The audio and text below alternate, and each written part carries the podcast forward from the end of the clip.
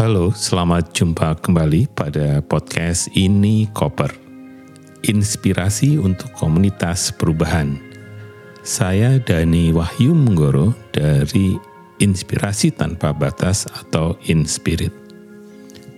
Kali ini saya ingin berbagi tentang microstructure pada interaksi sosial.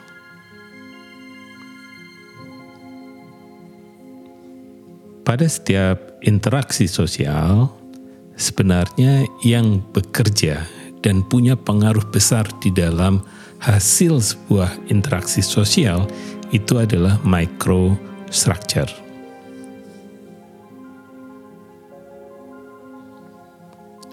Apa itu microstructure? Microstructure adalah metode bagaimana kita berinteraksi dalam sebuah interaksi sosial. Kalau kita ikuti di dalam proses belajar mengajar di sekolah maupun di universitas, kita melihat bahwa posisi pengajar itu ada di depan dan siswa ada di belakang menghadap pengajar. Dan itu kemudian menjadi contoh bagaimana interaksi sosial di luar sekolah maupun di luar kampus, posisi duduk antara pengajar atau pembicara dengan peserta yang ikut di dalam interaksi sosial itu sama. Semua peserta matanya itu mengarah kepada pengajar. Nah, dengan cara ini kita bisa melihat bahwa ada kuasa di dalam microstructure sebuah interaksi sosial. Bagaimana dosen, bagaimana pemimpin rapat, bagaimana atasan itu memiliki kuasa untuk mengontrol proses yang terjadi di dalam sebuah interaksi sosial. Karena itulah sebenarnya di dalam proses interaksi sosial seperti yang kita lihat sehari-hari, baik di rapat, seminar, workshop, simposium, kelas-kelas kuliah, dan sebagainya, kita melihat bahwa ada kuasa yang tidak setara antara pengajar dan siswa. Nah, di dalam liberating structure, situasi inilah yang ingin diubah. Karena pada situasi lama seperti ini, yang banyak bicara adalah orang yang di depan. Kemudian yang sedikit bicara adalah peserta. Dan di peserta pun yang bicara juga segelintir orang-orang yang pandai bicara atau orang-orang yang memang pandai pada konten. Sehingga pada sebuah training kalau yang pandai ini selalu aktif tiap hari, maka kita patut duga sebenarnya yang sedang belajar itu hanya segelintir orang.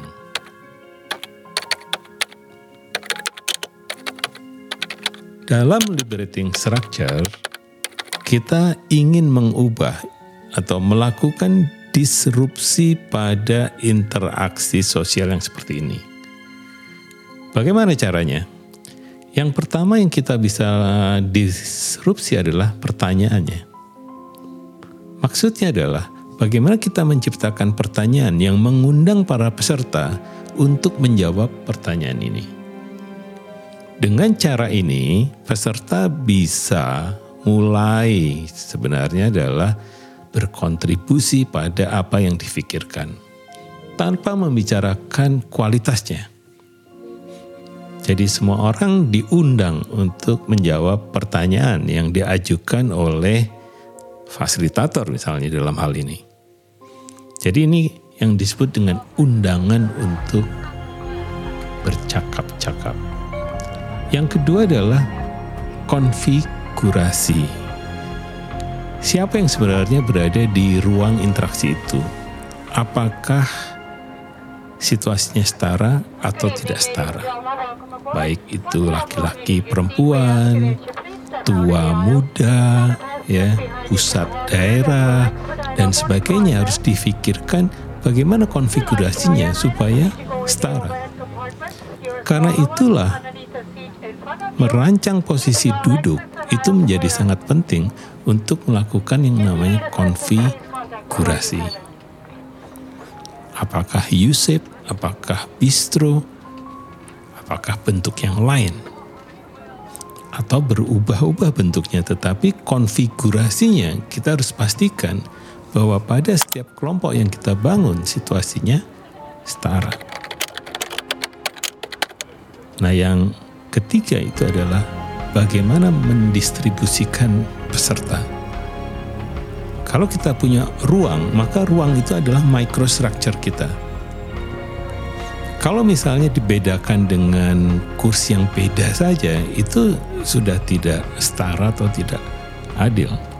Karena itulah biasanya di dalam liberating structure proses-prosesnya dimulai dengan berdua berdua kelompok kecilnya. Baru kemudian berempat kemudian berenam dan baru di sharing dalam bentuk pleno. Pada tahap berikutnya adalah bagaimana kita memberikan kuota kepada seluruh peserta untuk bisa memiliki waktu yang sama untuk saling berkontribusi baik opini, pendapat maupun ceritanya. Karena itulah waktu menjadi hal penting di dalam merancang sebuah interaksi sosial. Nah, di sini bagaimana seorang fasilitator itu bisa memberikan kuota bahwa di tiap sekuensi atau dalam sekuensi sesi itu ada tahapan-tahapan semua orang sedang menyampaikan opini dan pendapatnya. Nah, baru yang terakhir adalah bagaimana kita menyediakan alat bantu yang sesuai dengan proses interaksi sosial yang lebih liberated. Jadi di sini semua alat-alat bantu adalah menyederhanakan apa yang seharusnya dilakukan oleh para peserta sehingga semua peserta nyaman berkontribusi apa pun di dalam interaksi sosial yang dimaksudkan untuk bisa memberikan solusi yang kreatif bagi problem yang sedang dihadapi atau yang sedang dibicarakan. Nah, itu saja ini koper kali ini. Ini koper selalu percaya bahwa berbagi apa pun itu sangat berguna bagi komunitas perubahan. Sampai jumpa pada edisi berikut.